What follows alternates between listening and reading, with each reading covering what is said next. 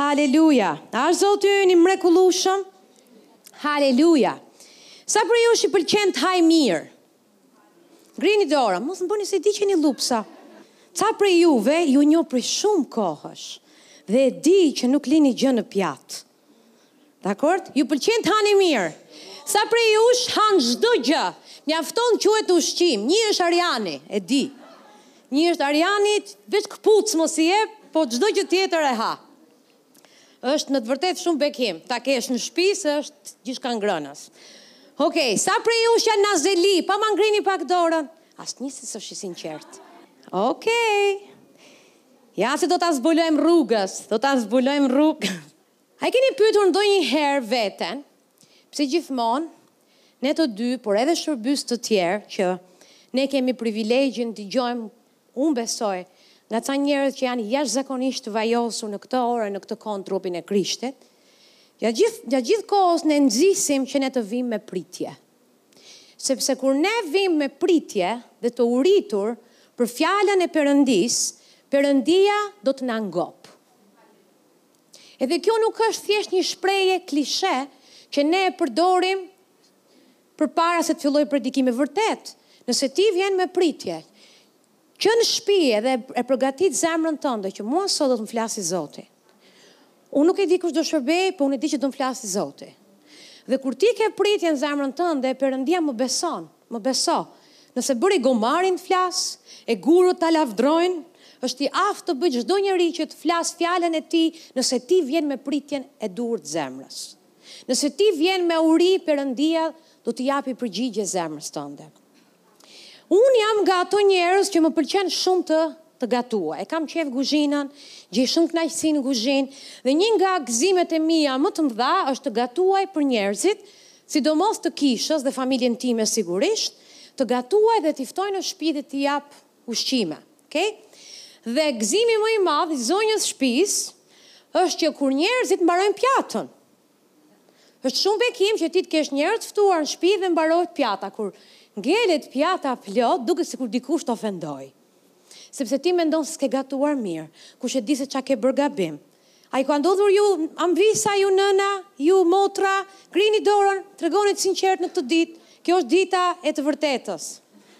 Ok, sa prej jush doni që kur vinë njerëz në shpinë tuaj, ju uh, t'i knaqni ata, dhe knaqeni që ata të knaqen nga ushqime që ti ke përgatitur. Dhe sa prej jush ndihen keq kur, at, kur ato nuk prekin asgjë. E njëjta gjë mbaj mend kur kam qenë kur kam qenë e vogël dhe e di që shumë nga ju do të mba, do mbashkohen në këtë gjë. Vija nga shkolla dhe imagjinoni gjithë ditën në shkollë. Dhe ëndrra që ka çdo nxënës shkolle apo çdo gjimnazist apo çdo student është që kur të shkojë në shtëpi dashtë Zoti, mami ka dëgjuar nga Zoti dhe ka bërë një gjë të mirë. Dhe kur ti shkoje në shtëpi dhe ajo kishte bërë gjellën që ti nuk do ta shohësh me sy. Po duhet ta hash se ti je duke vdekur urie. Unë nxehvesha kaq shumë me mamin. Po sot e gjete ta bësh? Edhe i bëja naze ushqimit, edhe nuk e nuk e nderoja mundin e saj, kohën e saj, sakrificat e saj që bënte gjatë gjithë ditës, nuk isha kështu gjithmonë. Kur kam qenë e vogël thashë, tani jam shumë mirënjohëse. Jam shumë mirënjohëse, tani ha çdo gjë.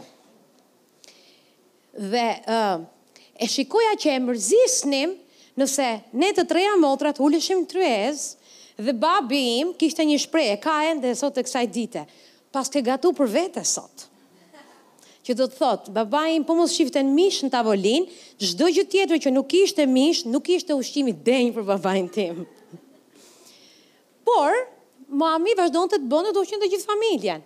Por e shikoja që kjo gjë e mërziste. E dini që të njëjtën gjë ne mund t'i bëjmë Atit Perëndi? Ai besnikërisht çon shërbyst e tij, njerëzit e tij, të vajosurit e tij, që të përgatisin nga nga mana që ai ka vendosur këtu. Nga fjala e tij dhe ai e shtron tryezën plot, e mbush plot. Dhe vetëm ti mund ta trazosh urinë tënde. Askush nuk të bën ty dot të uritur nëse ti nuk zgjedh të hash dhe të hash me nderim. E dini kisha i ngjason jashtëzakonisht familjeve tona biologjike.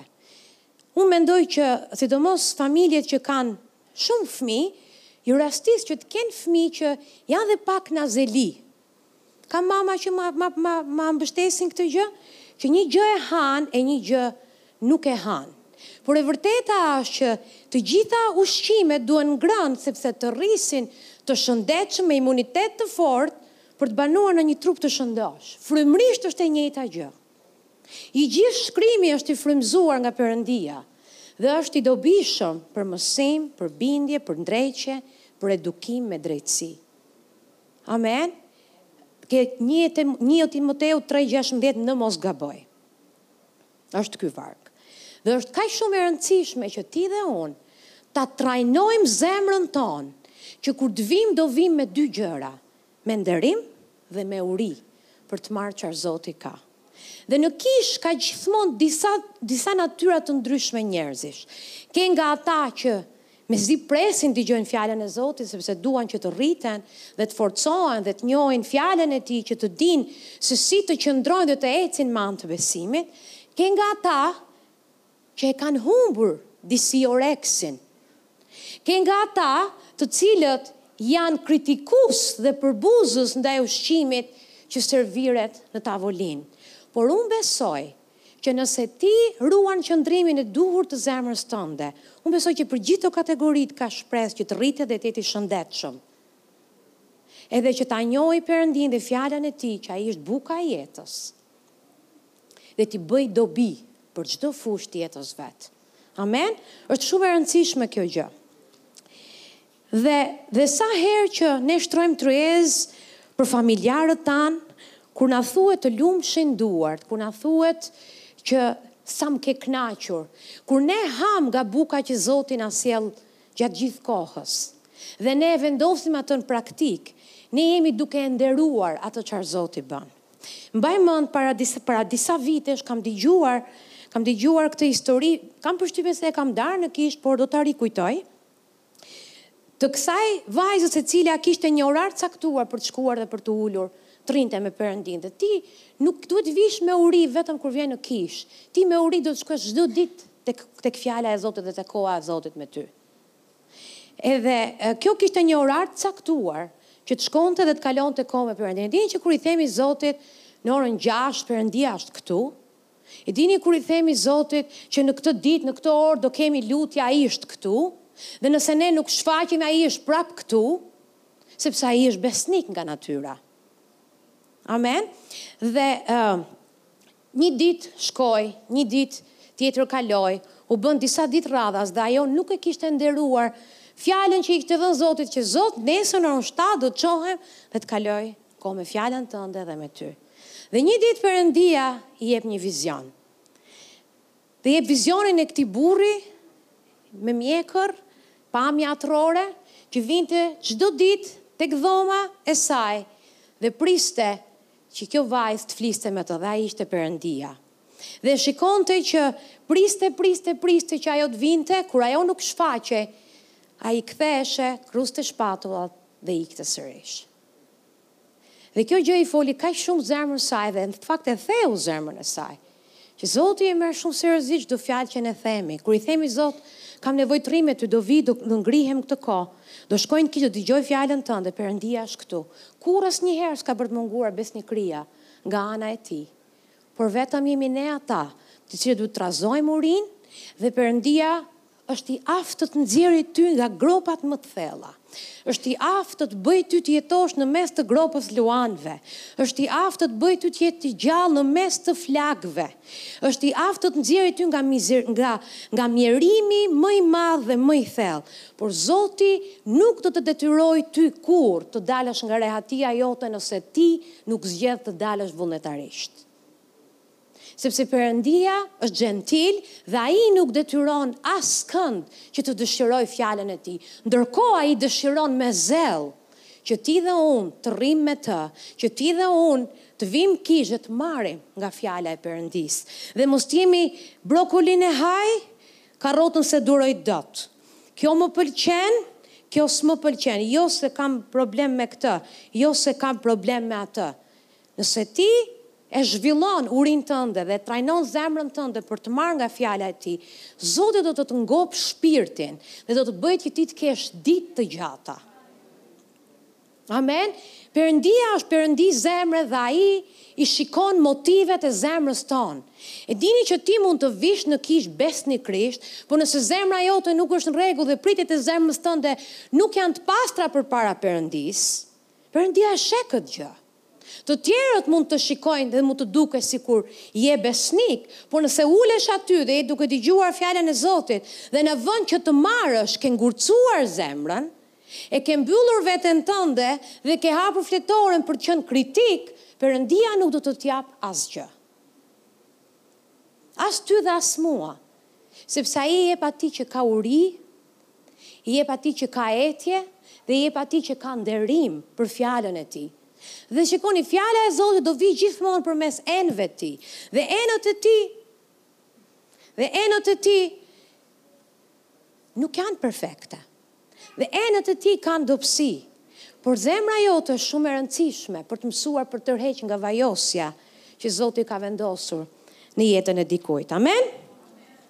Haleluja! Le të shkojmë gjithë së bashku tek Psalmi njëzet e tre. Dhe shikoni se sa i bukur është ky psalm, kemi lexuar, rilexuar, jam e sigurt që treçereku prej jush e dinë përmend ta citojnë, por është kaq i fuqishëm. Jemi duke folur që ne duhet të kemi një zemër të uritur për fjalën e Zotit edhe për për, për praninë e Perëndisë tonë. Thotë Zoti është bariu im, Asgjë nuk do të më mungojë. Ai më çon në kullota me bar të njomë, më drejton pranë ujërave që të çlodhen. Zoti këtu është duke drejtuar drejt tryezës, drejt ushqimit. Nëse je dele, Ai çon ato në kullota. Nëse je dele e Jezusit, Ai të drejton ty që të hash nga fjala e Tij. Thotë ai të çon në kullota me bar të njomë, më drejton pranë ujërave që të çlodhen. Ai ma përtërin shpirtin, më çon nëpër shtigjet e drejtësisë nga dashuria që ka për emrin e tij.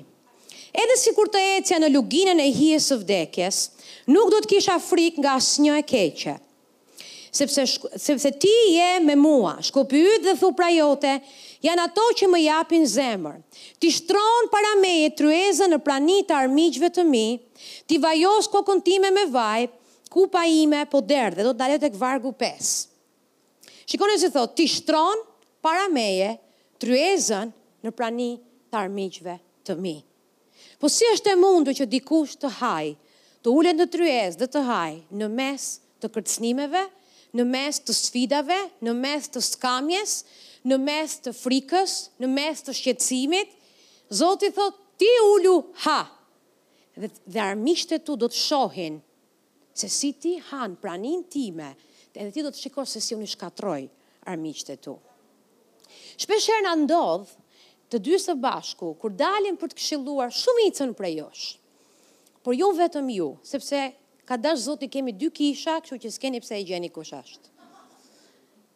Kur dalim për të këshilluar edhe për të qenë ndihmë, sepse kjo është shërbesa jonë. Ne duam që ju të jeni të gjithë mirë.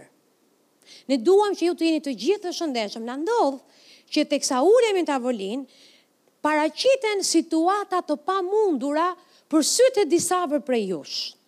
Dhe kur nuk është veshi dhe zemra e gatshme për të dëgjuar të vërtetën, disa raste na ka ndodhur dhe jo vetëm pak, por shumë raste që dëgjojmë Duan vetëm të shfryjnë, të thonë ato që ndjejnë, duan të sjellin hallin të na tregojnë se sa shumë po vuajnë, se sa e pakalueshme është sfida dhe kur e dëgjojnë të vërtetën dhe përgjegjësia bie mbi ju apo dhe mbi mua si individ, që unë duhet të shkoj tek fjala dhe unë duhet ta besoj fjalën, nuk pëlqehet shumicën e rasteve.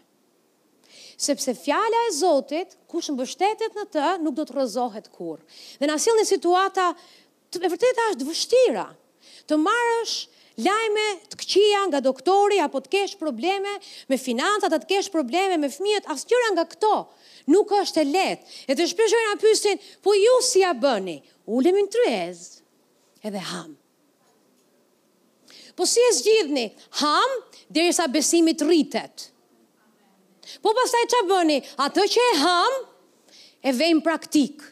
Dhe mbasi ta vejmë në praktikë, qëndrojmë, sepse Zoti nuk mundet të gënjejë, nuk është njeri që të gënjejë, thotë Isaia 55. Nëse e ka thënë diçka, Ai edhe do ta kryejë.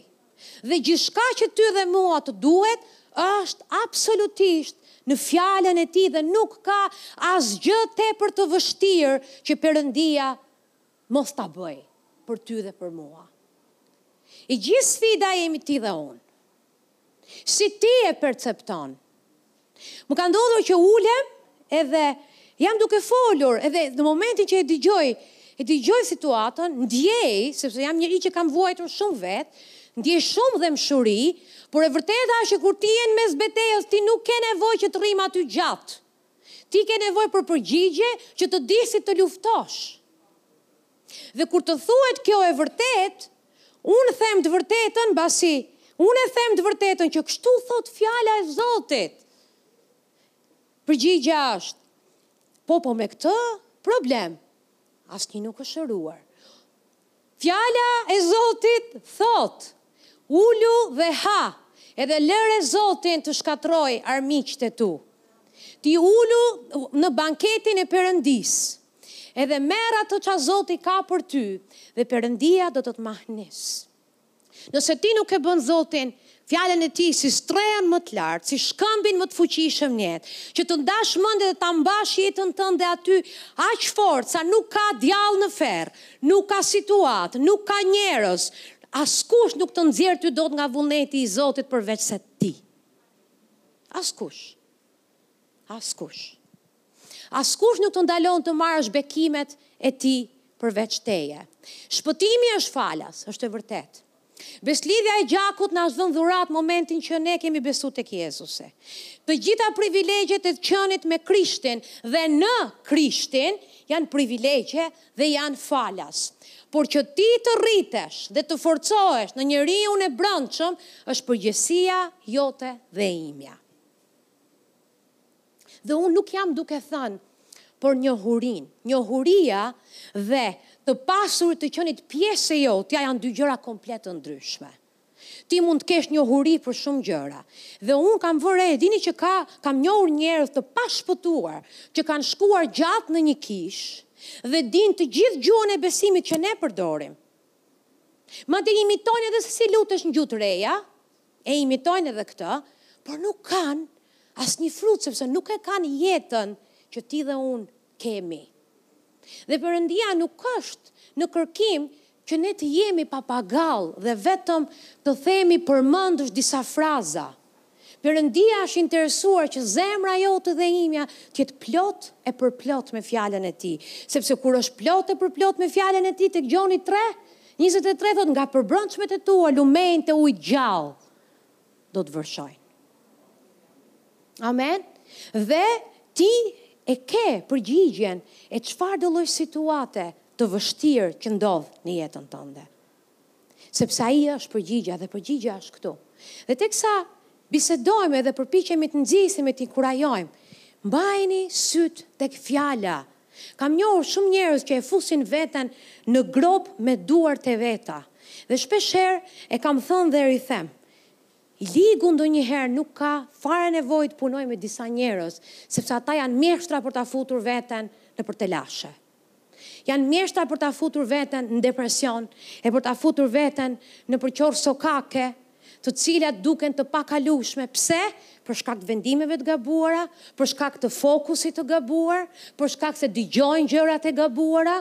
Por nëse ti ulesh dhe ha çdo ditë në tryezën e Zotit, është e pamundur që ti të ecësh si i mposhtur. Është e pamundur, është thjesht e pamundur. Është totalisht e pamundur, dua ta ripërsëris. Nuk është e mundur që ti të jesh e larë me gjak. dhe të jesh ulur me Krishtin në vendet qiellore dhe të është dhënë një emër që e ka thënë goja e Zotit dhe të kesh kaq shumë bekime i çliruar, i bekuar, i shenjtruar, ke urtësi, ke shëndet hyjnor, ke je, je ulur me Krishtin në vendet qiellore, je trashëgimtar dhe bashkëtrashëgimtar me Krishtin. Sikur ti edhe unë të ndaleshim dhe të mendonim një pas një të gjitha këto bekime që neve na janë dhënë, më besoni ti dhe unë nuk do nuk do ta ulim kokën as edhe një ditë të vetme. Prandaj te Kolosianët tre na thuhet, kini në mend gjërat që janë atje lart dhe jo ato që janë janë poshtë. Ki në mend atë çfarë fjala e Zotit thotë. Kur ti përballesh me shëndetin tënd. Nuk është koha për t'i parë me kujdes prognozën e mjekut. Jo! Është koha për t'hap Biblën. Edhe për thënë ça thotë fjala e Zotit. Fjala e Zotit thotë, me anë të plagëve të Jezusit, ju jeni shëruar. Një sekond, tani unë mbase s'jam gjuhëtare e jashtëzakonshme, por ju jeni shëruar është kohë e shkuar, që do të thotë është kryer. Që do të thotë ka mbaruar. Që do të thotë kjo qenka e imja, thotë ju, unë jam ju, unë jam unë. Atëherë nëse Perëndia e ka vendosur në fjalën e tij, unë e dua dhe unë do ta marr. Dhe pastaj lufto. Amen. Nëse sfida jote është financa, është e njëjta gjë. Ti do mbjellësh Ti do mbjellësh, do të jesh dhënës, do të jesh bujar, do vendosësh në praktikë ligjet e Fjalës së Zotit dhe Perëndia do të të begatojë ty dhe do të të bëjë të madh, jashtëzakonisht të madh. Amen, njerëz të Zotit? Është kaq shumë e rëndësishme që ta kuptoni, t'i kuptoni këto të vërteta. Edhe ishim duke folur që sa e rëndësishme është që zemra jonë të jetë në rregull kur na serviret fjala. Unë si prind jam shumë e kujdesshme në të dhe dhe po po e krahasoj familjen me gjërat frymore. Si prind jam përpjekur të jem shumë e kujdesshme që të vegjlit e mi që kur i kam lindur t'i rris shëndetshëm. T'i rris me teksa janë foshnje me qumësht me qumësht shumë të mirë. Pastaj me me ushqimet që kanë pak mbasi rriten pak që fillojnë bebet dhe hanë. Pastaj fruta, pastaj kalojmë te mishi, pastaj kalojmë tek të gjitha gjërat me radhë. Perëndia e ka dizenjuar trupin e njeriut që nga momenti që i hap sytë në këtë tokë që të ketë një proces ushqyerje. Dhe është dikush që kujdeset për këtë fëmijë që të rritet. Nëse lihet ky fëmijë pas dore, ky fëmijë do të rritet i dobët. Ky fëmijë do të rritet me probleme. Ky fëmijë do të rritet me me me probleme shëndetësore. Do të rritet pa oreks, sepse ajo çfarë ne i japim fëmijëve tanë, i zhvillojmë edhe shijen se çfarë të dëshirojnë, për të ngrënë më vonë kur të jenë të rritur. Dhe unë kam parë nëna plot që i japin bebeve të vogla lëngje frutash të blera në dyqan. Dhe ta mbushësh një fëmijë me sheqer nuk është aspak e shëndetshme për t'i ndërtuar imunitetin.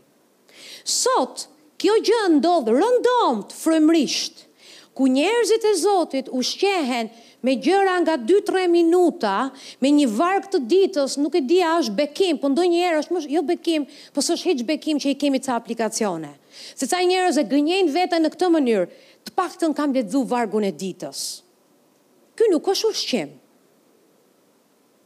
Më kupton? Ose hap YouTube-in edhe dëgjon tre, katër, pesë, shtatë minuta, dhjetë minuta, një mësim të një mësuesi që nuk është as prindi yt.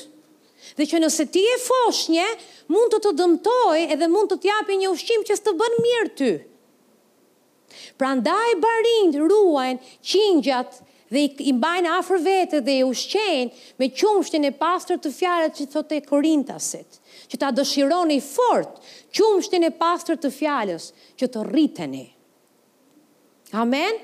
Është shumë e rëndësishme nëse të, nëse pastori Ne nuk jemi të kujdesshëm për ata që janë të rinj në besim dhe nuk jemi të kujdesshëm për t'i ruajtur nga nga nga njerëz dhe nga nga botë, nga jeta e mëparshme që kanë pasur, nga sfida të mëparshme, nëse nuk i mësojmë me Fjalën e Zotit, ata janë të përkohshëm. Nëse nuk i mësojmë si t'i rezistojnë të ligut në në në në fazat e para të të rritjes tyre, që janë themelet e besimit, kush janë në Krisht, këto janë ABC-ja e çdo besimtari që ne duhet ta dimë. Kur dikush lindet ka nevojë të dijë kush është, çfarë ka trashëguar, amen, edhe ku përket. Dhe Perëndia na mbjell me një familje. Na mbjell me një familje dhe tek psalmi nëntëdhjetë e dy dua që ta lexojmë bashkë. Shikoni se sa bukur është në fjalën e Zotit.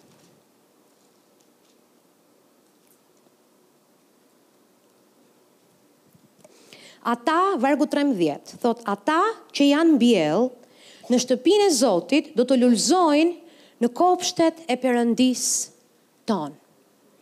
Ata që janë mbjellë në shtëpinë e Zotit do të lulëzojnë në kopshtin e Perëndisë tonë. Ju kujtohet pastor Stivi që ishte para disa kohë që erdhi për konferencën e burrave, tha një analogji shumë të bukur kur ishte në Thuman që më preku shumë. Sepse siç është problem këtu, është problem, unë mendoj, kudo në trupin e Krishtit, në çdo vend tjetër jashtë Shqipërisë. Thoshte sfida ime si pastor është që delet e mia duan të hanë kudo dhe çdo gjë. Kudo. Mirëpo, edhe në të natyrshmen, nuk është normal që fëmija, fëmijët tanë të shkojnë nëpër komshi të kërkojnë bukë. A është normal? A i lini ju kalamajtë tuaj? Unë jo për vete. Ne shkojmë ndonjëherë tek të afërmit, ne shkojmë tek njerëzit që i njohim, ne pranojmë ushqimet e tyre sepse jemi njerëz nderues për respektin, për nderimin, por bazën e ushqimit dhe për të rritur imunitetin dhe për t'i bërë fëmijët e mi të shëndetshëm është përgjegjësia ime dhe e këtij burri. Dhe frymërisht është e njëjta gjë. Edhe pastor Stivi po thoshte që Mbillu, po fliste për rëndësinë e të mbjellurit në kishë. Nguli këmbët në kishë edhe lëre Zotin që të të rrisë dhe të të forcojë, sepse gjitha këto gjërat që ju digjoni nëpër internet e nëpër youtube, lloj-lloj mësuesësh e lloj-lloj predikuesësh e lloj-lloj profetësh që gjatë gjithë kohës gudulisin veshët e besimtarëve, këta tha janë barë. Këta sot janë, nesër s'janë. Por kisha jote, familja jote është shumë e rëndësishme, që ti të zhvillosh oreks, të ngulesh dhe të japësh frut, dhe fruti yt të jetë i qëndrueshëm, e degët e tua të rriten kaq fort sa të gjejnë të tjerët strehë, se vjen një kohë kur ti je rritur, kur ti je forcuar, kur ti je mësuar, me fjalën e Zotit, ti je i aftë për t'i mësuar të tjerëve. Ti mund të dyfishosh veten tënde, ti mund të trefishosh veten tënde. Do të vijë një kohë që kisha jonë do të jetë dy fish, tre fish, katër fish, pesë fish më e madhe, aq sa Perëndia do. Dhe është e pamundur që ne të dy t'i ushqejmë gjithë. Gjejeni se kush do t'i ushqejë. Do t'i ushqesh ti. Nëse ti rritesh mirë në Fjalën e Zotit, nëse ti je nderues dhe i përulur dhe ngulesh në në në Kishën e Perëndisë dhe jep frut në Kishën e Perëndisë, Perëndia do të të besojë ty, qingja me shumicë, që të jesh bekim. Do të jesh motër e madhe, vëlla i madh për të qenë bekim për gjithë ata që vijnë në Kishë. Amen. Dhe pastorët pastaj do të merren me vizionin që të rritet edhe më shumë e qëllimi është që të bëjmë edhe më shumë familje besimi në çdo vend që njerëzit të kenë mundësi të hanë fjalën e Zotit. E të rriten e të forcohen edhe që Jezusi të vi shpejt. Ne nuk jemi në tokë rastësisht. Ne jemi këtu në tokë për të ndarë ungjillin, për të bërë dishepuj, që ungjilli të shkojë deri në skajin e dheut që Jezusi të vi. Që Jezusi të vijë dhe të marrë kishën e tij. Prandaj motër dhe vlla mos e shiko veten tënde si dikush që vjen vetëm për t'u ulur, por shikoje veten tënde pajisu, mirëpajisu, që ti të jesh i aftë për të mësuar të tjerët. Që ti të jesh i aftë për t'i ushqyer të vegjlit. Ama duhet të jesh shembull në sjellje dhe në çdo gjë, sepse Perëndia E vërtetë, Ai ka vendosur dhunti dhe dhurata brenda gjithsecilit prej na, gjithsecili prej nesh. Dhe një nga shprehjet e mia të preferuara është që dhurata të çon përpara mbretit, po karakteri të mban atje. Amen. Dhuntitë që Perëndia vendos brenda nesh. Mund të na bëjnë që të shkëlqejmë. Ama, karakteri është ai që do t'i mbajë, do t'i rrisë e do t'i forcojë edhe më tepër. Që ne të jemi njerëz me integritet. Që mos të kthehet, mos t'i duhet Zotit përmes shërbyesve të tij herë pas here të kthehemi hapa mbrapa, sado që ne mund të kemi dëshirë të vrapojmë pas vizionit që Zoti ka vendosur përpara nesh.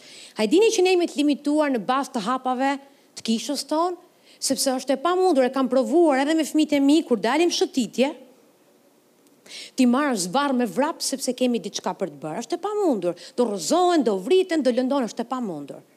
Dhe frymërisht është e njëjta gjë. Sado që ne të kemi një vizion të madh, siç është kombi, Ne nuk mund të ecim dhe të vrapojmë më shpejt se sa rritja dhe hapat e kishës tonë, se sa njerëzit zgjedhin të na ndjekin, sepse ndjekja është zgjedhja motra dhe vëllezër, është zgjedhje. Ti zgjedh të ndjekësh Jezusin. Ti zgjedh të jesh pjesë e një familje besimi. Ti zgjedh të ndjekësh autoritetet që Zoti ka vendosur. Ti zgjedh të jesh në në martesë. Perëndia na ka na jep zgjedhje çdo ditë dhe zgjedhjet tona të përditshme na çojnë në një destinacion.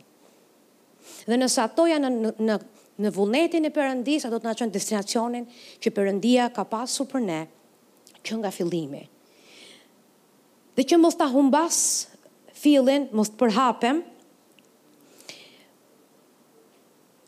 Ju inkurajoj me gjithë shpirt, me gjithë zemrën time, është që kur i ligu të vijë kundra teje si një lum i furishëm, e para dije që fryma e Zotit ngre një flamur e ti nuk je vetëm.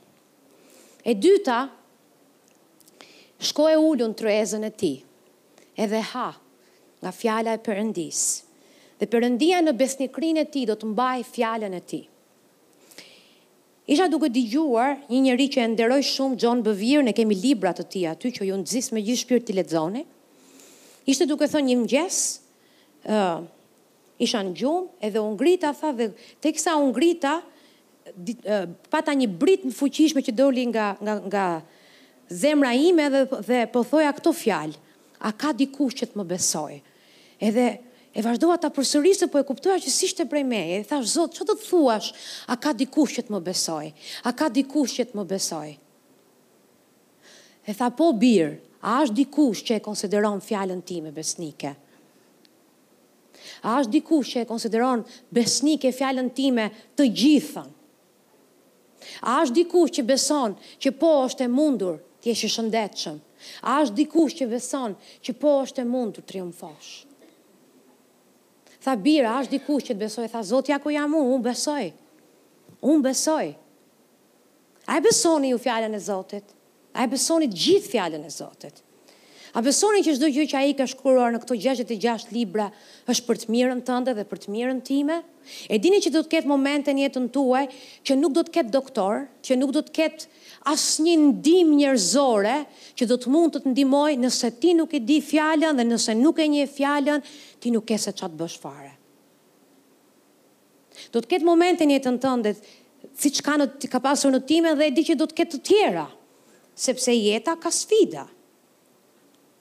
Por të duhet që të ngulesh fort tek premtimet që ai të ka dhënë në mënyrë që ti të qëndrosh i gjallë, në mënyrë që ti të besosh që ka një rrugë përtej këtë përtej këtë kësaj lugine që je duke kaluar, sepse ka shumë raste që duken të pashpresa në jetën tonë. Ka shumë momente.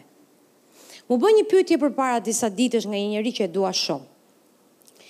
Edhe ishte, si mund ta mbash mendjen në paqe, kur çdo gjë tjetër jashtë thotë komplet kundërtën?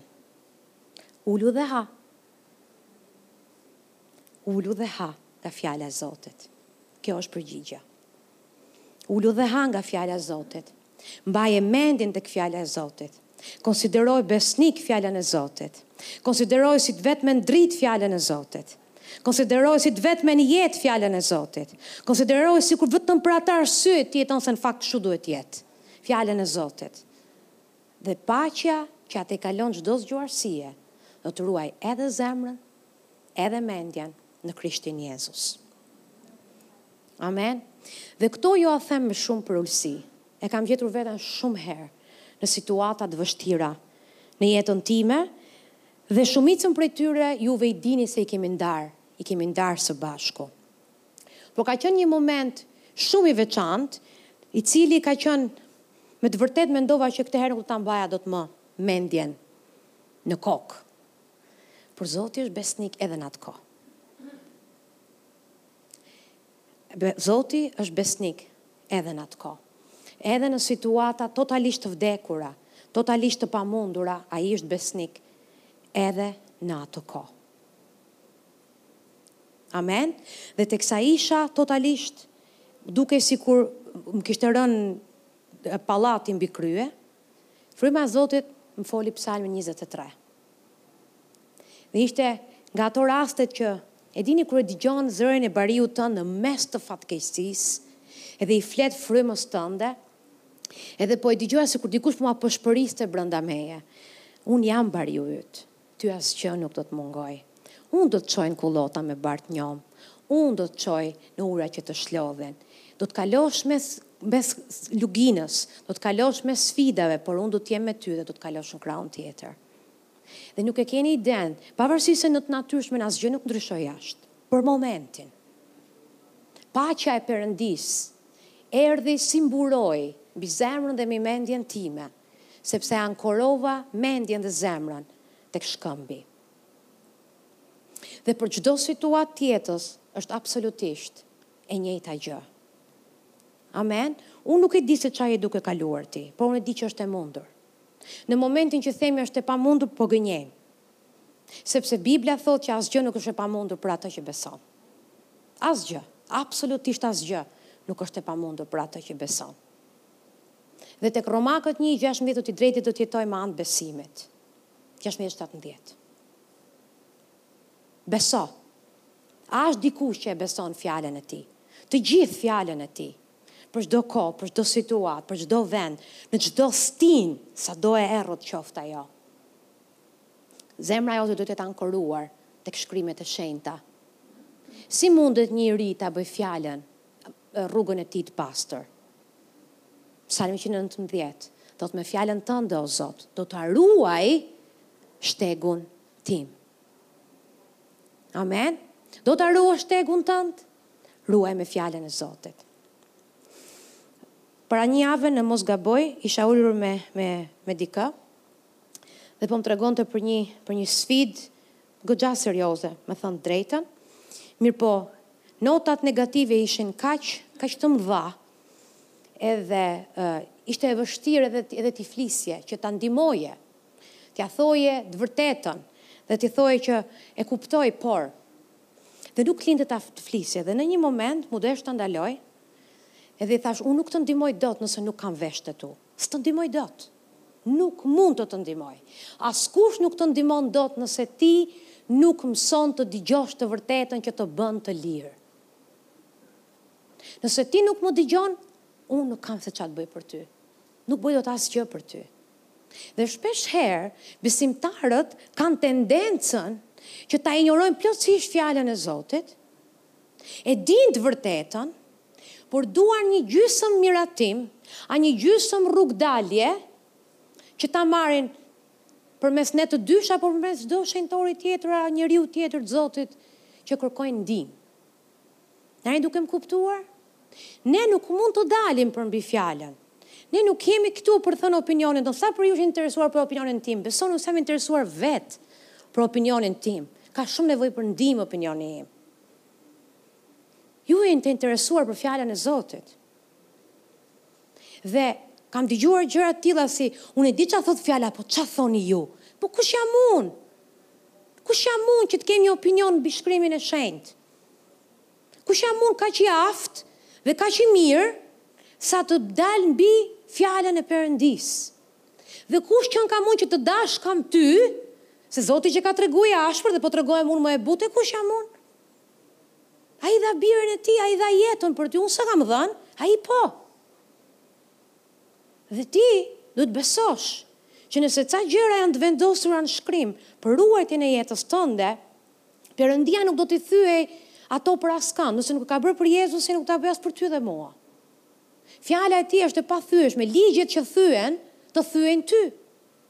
Nëse ne i thyejmë në mënyrë konstante ligjin dhe fjalën e Zotit, do të vijë një moment që ato ligje do të të thyejnë ty dhe nuk është dënimi i Zotit. Ti thjesht ke shkelur në tokë që nuk duhet të shkelësh. A je duke më kuptuar? Dhe sado dhembshuri që ne të kemi si barinj, apo dhe ju, se nesër pasnesër dilni dhe inkurajoni nxisni njëri-tjetrin. Kurrë mos jepni këshilla që janë jashtë fjalës. Unë kam dëgjuar gjëra sikur le ça thot, ça thuhet në kishë, gjeje dhe martohu në botë se e sjell pastaj në kishë. Biblia ime nuk thot kështu. Biblia ime nuk thot kështu. Të gjithë njerëzit që njoh, shoqet e mia apo shokët e mi që kam pasur, që kanë pas këtë mendësi që ta gjejmë, Dhe hë se e sjell e ungjillizoj, janë në fakt ungjillizuar dhe kanë shkuar totalisht në botë. Ajo nuk është shpresë, nuk vendoset jeta në rërë, se mbase do të funksionojë. Nuk funksionon, nëse fjala e Zotit thotë diçka jashtëzakonisht qartë, mos u provo, mos mos mos guxo që ta vesh në pikëpyetje, sepse Zoti e ka dhënë tashmë opinionin e tij. A jeni duke më kuptu? Një këshillë që m'u kërkua, më ka ndodhë dy herë në, në shërbesën tonë prej 15 vitesh. Herën e parë ishte një vajzë e cila kishte ishte lidhur me një jobesimtar dhe karakteristikat që ai djali i kishte ishin gati si të Jezusit. Ishte, o Zot, ça të them, ça njeriu ishte ai. I mrekullueshëm. O zot ai ishte po ishte pak i pashpëtuar, vetëm pak. Pak i pashpëtuar po kshtu karakteristika, domethënë me e pa marrë Jezusi sekretar ishte fiks. Dhe i kishte mbaru fejesa, i kishte mbaru të gjitha dhe erdhi të merrte, e dinte ça fjala thotë. Dhe donte një gjysëm miratimi nga ne pse? Sepse shikoni se ça bëjnë besimtarët. Kur nuk ju leverdis disave prej jush, thoni kam fol me pastorin. Pastori më ka dhënë leje. Po edhe pastori po të ka dhënë dhe s'të ka dhënë. Edhe pastori po ta ka dhënë, po s'ta ka dhënë. Çdo këshillë që të jepet jashtë shkrimit, të lutem mos e përqafo. Sepse të shkatrron jetën ty. Amen, të shkatërron jetën ty. Dhe s'la justifikim pa përdorur që të na e mbushte ne mendjen që hë se mbase ne ia ndrojmë mendjen Zotit rrugës. Po. Është naivitet i jashtëzakonshëm. Është naivitet i jashtëzakonshëm. Dhe rasti tjetër, që edhe ky ishte jashtëzakonisht mbresëlënës, ishte që ma kanë zbuluar familja dhe mami është smur dhe s'di si t'ia them. Se mamin e lëshon zemra, i thashë lutemi për mamin, direkt shërohet mami. Direkt. Tani ça të bëj tha? Unë tha më kanë caktuar fejesën me djalin që kishte zgjedhur vetë. Ma kanë caktuar tha s'kam ça të bëj. Dhe m'u kujtua menjëherë viçi i artë. Ne vetëm i hodhëm. Dhe doli Viçi. Jo, jo, nuk doli Viçi pa dashje, dikush u mor me këtë punë. Dikush ishte profesionist në këtë punë, në gdhendje. A jeni duke më kuptuar? Dhe kur unë i thashë që lutem unë për mamin, nuk i pëlqeu fare, sepse kishte alë du vejonte. Por Jezusi nuk mund ta thyejë fjalën e tij për asnjërin prej nesh, sepse ato janë të gjitha në të mirën time dhe tënde. Sfida më e vogël që një njeri, se tani dolëm te kjo tema këtu, që një njeri lidhet me një jobesimtar është minimalja, minimalja, përveç se unë nuk di se si bien dakord, nuk e di se si mund të bien dakord drita dhe errësira, fëmijtë, Ça do besojnë këta fëmijë? Si do rriten këta fëmijë? Cilin zot do nderojnë? Do rriten fëmijë të dyzuar, do rriten fëmijë, domethënë, ka kaq shumë pasoja shkelja e fjalës Zotit, sa ndonjëherë të çojnë më larg se ç'kishe mendu ndonjëherë. A bëjnë sens njerëz këto gjëra që po ju them? Janë shumë të rëndësishme, të gjitha lidhen me të paturit një zemër të pastër e të uritur dhe të dimë të shkojmë tek fjala e Zotit për çdo fushë të jetës tonë dhe që aty kemi përgjigjet dhe që asnjë gjë tjetër përveç fjalës tij nuk duhet të jetë opsion për ty dhe mua. Amen. Për martesë, për financa, për çfarëdo lloj gjëje? Unë edhe pastori juaj nuk jemi të interesuar që t'ju çojmë nëpër shtigje të rrezikshme sepse kemi frikë Zotin. E kemi shumë frikë Zotin. Dhe kur vjen puna për drejtime për jetën tënde, Zoti do të të flasë ty, jo mua. Jetën do ta lidhësh ti me dikë, jo unë. Unë jam e martume. Zoti mund të na përdorë ne si konfirmim mbasi ti e di dhe e di dhe e di që Perëndia po të drejton. Okay? Por ju lutem mos bëni lutje të çuditshme, o Zot foli pastorëve, se jo nuk ka nevojë. Të flasi ty, ti je dele e tij. Të flasi ty. Mu ka fol Zoti vetë, s'i foli pastorit tim. Edhe shkova i thashë. Dhe me thënë të drejtën, vetëm i thashë nji dy tre më pëlqen, e du, i thashë, po, mbaroi filmi. Dhe ai i tha Zoti të bekoftë, më pëlqen si djalë, Avdi thotë që i pëlqen dhe si djalë. Dhe mbaroi, që do të thotë ky vendim, apo dhe vendime të tjera madhore, asnji nuk e ka tagrin të marri rolin e Frymës Shenjtë, asnji. Asnji nuk e ka këtë tagër përveç Frymës Shenjtë. Amen. Dhe Kështu e ruani jetën tuaj, sepse ti nuk duhet të futesh në shtigje jete me justifikimin se Zoti ma konfirmoi mua. Unë jam shumë e kujdesshme për këto gjëra. Por ndonjëherë kam vënë re, teksa rri me vajza, po dhe me djem, po më shumë rri me vajza, që përdoret pa kujdes. emri i ne të dyve, kur merren vendime jo shumë të pëlqyeshme, është fraza që më kanë thënë pastorët, dhe ne mund të mos kemi thënë asnjë gjë. Më tha dikush një ditë, Pastori e di që unë do rri larg shpisë, yy, me muaj të tëra larg familjes. I thashë, jo, jo, i thashë, po flasim për burrin tim, se unë e njoh pastorin e kishës fjala e gjallë. Thashë, nuk ka shans, nuk ka shans që pastori yt dhe burri im të ketë miratuar një gjë të tillë. Mos shtrëmbroni të vërtetat që të dilni ju të aprovuar se në fund edhe po dole aprovuar për momentin, dizaprovon jeta dhe të nxjerr ty pasoja dhe probleme rrugës. A më kupton? Edhe po e pate miratimin tim, edhe të pastorit, që nuk do ta kesh asnjëherë nëse është kundërshtim me fjalën e tij, nuk ka ça të duhet, e askujt. Sepse pastaj hyjmë në zona të rrezikshme që është është të mashtrosh veten tënde. E dini se si ngurtësohet ndërgjegjja edhe arrijmë në pika vetëmashtrimi, është kur fryma e Zotit na bind momentin që ne fillojmë e injorojmë, sapo nisi ngurtësimi. Dhe nëse ti e injoron një herë, e injoron dy, e injoron tre, e injoron pesë, e injoron shtatëmbëdhjetë, fryma e Zotit ka shumë durim. Vjen një moment që nuk të bën më përshtypje. Pse? Sepse Fryma e Zotit ka hequr duar dhe nuk të bind më, sepse e ka parë që ti je ngurtësuar dhe nuk do të dëgjosh. Ruajeni zemrën tuaj me shumë kujdes dhe jini njerëz që jetoni plot me Fjalën e Tij dhe me shumë përulësi me zemërbutësi. Sepse në botën që ne jetojmë nuk mungon njohuria Është e jashtëzakonshme. Njohuria s'ka qenë ndonjëherë më e madhe, por e dini kush është fatkeqësia më e madhe? Injoranca nuk ka qenë asnjëherë më, më keq se sot.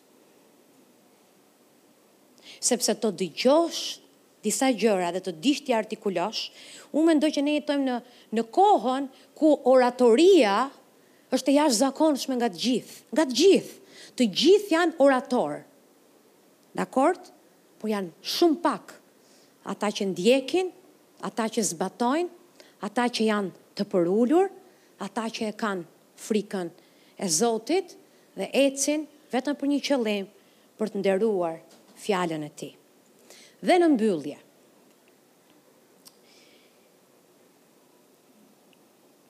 unë nuk e di se në çfarë gjendje jeni ju, por do t'ju flas për anën time. Duke qenë se kam shumë vite në kishë, kam tridhjetë vjet besimtare. Kam pranu Jezusin kur kam qenë nëntë vjeçe. Kam tridhjetë vjet në besim. Edhe kam qenë nën influencë shumë të mirë të fjalës Zotit, vajosur njerëzve të Zotit. Ndodh rreziku që të bëhesh përçmues i të mirës të madhe që të jepet gjatë gjithë kohës. A je duke më kuptu? Dhe për shkak se kam qëndruar me njerëz shumë të bekuar, ka pas shumë raste që i kam marrë të mirëqena disa gjëra. Dhe ka pas edhe raste që i thashë vetes, a më se unë këtë e di. Unë nuk mendoj që do të vijë një moment në jetën tonë që ne pushojmë së qeni student të Fjalës Zotit. Në momentin që ti ke ndaluar së qeni student që e praktikon Fjalën e Zotit, jo vetëm student të dëgjosh. Jo vetëm orator, jo s'po flas për këtë, mos i ngatrojmë njërën me tjetrën. Dhe kur unë thashë a e besoni me të vërtetë fjalën e tij, gjithë fjalën e tij, e kam fjalën sa e bëni fjalën e tij, se jam e bindur që gjithë njohin shumë të vërteta. Çështja është a jemi bërës të të vërtetave. Dhe kur ti mësohesh gjatë gjithë kohës të të shërbehet ushqimi i mirë, i vajosur, prania e Zotit, të jetë në shpi gjatë gjithë kohës. Duhet të ruajmë dhe të kemi frikën e Zotit që mos ta përbuzim dhe mos ta përçmojmë. Dhe jo se e sjell bashkëshorti im, dhe nuk po flas vetëm për të, sepse ne kemi pas tash mundësinë që të na vijnë mësues të vajosur nga gjithë bota në këtë podium. Dhe kur vijnë them ju lutem zemrën e hapur veshët e hapur me tërheq sa më shumë nga vajosja me anë besimit nuk duhet të jemi përçmus dhe përbuzës sepse jemi rritur mirë mbaj mend kur kanë qenë fëmijët e mi të vegjël ë kemi pas disa nga ato fëmijë që nuk ja them emrin se do më shikojnë me inat që nuk kishin qejf të hanin disa gjëra. Dhe dini çfarë kam bërë? I mora atë të vegjlit që ishin dhe i kam çuar, i kam çuar tek jetimorja që kemi pas në Thumanë. Dhe i lashë një ditë aty, me mua. Që të shikonin, çfarë do të thotë të jesh pa prindër, çfarë do të thotë të mos kesh gjellën që të pëlqen ty, veshjen që të pëlqen ty, gjitha gjërat, sepse ti je mësuar që mos të mungojë asgjë. Dhe kur, kur dikush mësohet që mos t'i mungojë asgjë, nuk e vlerëson atë Atë person i cili është munduar shumë që ta rrisi në këtë pikë që ty mos të të mungojë asgjë. A e a më kuptoni? Dhe i çova dhe thashë shihni këta fëmijë, ishin të vegjël si ata. Më besoni nga ajo ditë e mbrapa kanë ngrënë çdo ushqim. Sepse të hapen sytë për të parë realitetin. Për të parë që sa të bekuar jemi që kemi njëri-tjetrin, që kemi kemi fjalën e Zotit kaq të mrekullueshme. që kemi të vërteta ku mund ta mbështesim jetën tonë edhe mundemi të mposhtim çdo lloj gjiganti që guxon të ngrihet kundër nesh. Dhe sa më shumë të kemi nderim ndaj fjalës së tij, aq më shumë ai do të na besojë. Dhe sa më pak nderim të kemi, do të na merret dhe ajo që na është dhënë. Sa më shumë prani dhe nderim për praninë, aq më shumë Perëndia do të derdhë nga fuqia e Tij dhe nga lavdia e Tij në këtë vend dhe mbi gjithsecilin prej nesh. Por nëse ajo që përbuzet Perëndia nuk vihet në lojë. Amen. Prandaj kur adhurojmë duhet të adhurojmë me shpirt. Kur vim në kishë duhet të vim me zemër gati për të marrë. Duhet të vim me zemër që t'i japim një krah dikujt që sot është duke vuajtur. Të jemi përgjigja për dikë. Unë besoj që ti do të rritesh me pash në momentin që i heq sytë nga vetja dhe i ke si të jesh bekim për tjerët. Në momentin që ti i heq sytë nga vetja dhe shikon si të jesh bekim për tjerët, Do të do të shikosh se si Perëndia do të të rrisi me pash. Dhe historia e fundit do ta tregoj dhe e mbylla. Është kishte një kohë që kam qenë shumë, shumë e ngarkuar, me shumë përgjegjësi, Do të thoni ju pse tani nuk je, me të thënë drejtën jam, por thjesht kam rregulluar prioritetet e jetës time, aty ku duhet ta kenë vendin. Edhe ka hir kur nderohet fjala. Amen. Dhe mbaj mend që për shkak se isha vazhdimisht e ikur, problemi që kisha me veten time, qarja e zemrës time si nën, është fëmijët e mi, Zot. Fëmijët e mi. Iu mungoj fëmijëve. Ngela duke ikur Nuk jam me ta, më kuptoni? Vazhdimisht kisha këtë sfidë. Fëmijët e mi, zot! Kush m'i mban mua fëmijët e mi? Teksa jam duke u marrë me gjithë shërbesën që e quaj privilegj, absolutisht. Dhe dëgjova frymën e Zotit që të më thoshte, Nëse ti do të kujdesësh për fëmijët e mi, unë do të kujdesem për të tutë. Dhe kjo i dha shumë prehje zemrës sime dhe fëmijëve të mi nuk i ka munguar asgjë asnjëherë. në në në ato gjëra që unë i kisha si nën merak. Dhe çdo gjë që ti e jep për Perëndinë, çdo gjë që ti e mbjell për Perëndinë, Perëndia do të bëjë që ta korrësh. Shumë, shumë, shumë, shumëfish, sepse është Perëndi i mirë. Amen. Haleluja. Atëherë zemrën me pritje, ulu dhe ha në tryezë, Pavarësisht se si duken gjërat, ti ulu dhe ha, dhe lëre Zotin, haleluja, të të mahnisë, dhe lëre Zotin që t'i shkatërrojë armiqtë e tu para syve të tu, sepse Ai është besnik. Mos iu bëj Zotit pengesë, ti, se të ligun e dëbojmë. Ty s'ka kush të dëbon nga ty, as mua s'ma dëbon dot njeri Silvën nga Silva. Unë duhet të kryqëzoj veten time në mënyrë që ta lej Zotin të bëjë punën e vet si Zot edhe si Mbret. Amen dhe kjo vlen për gjithsecilin prej nesh. Le të ngrihemi gjithë së bashku.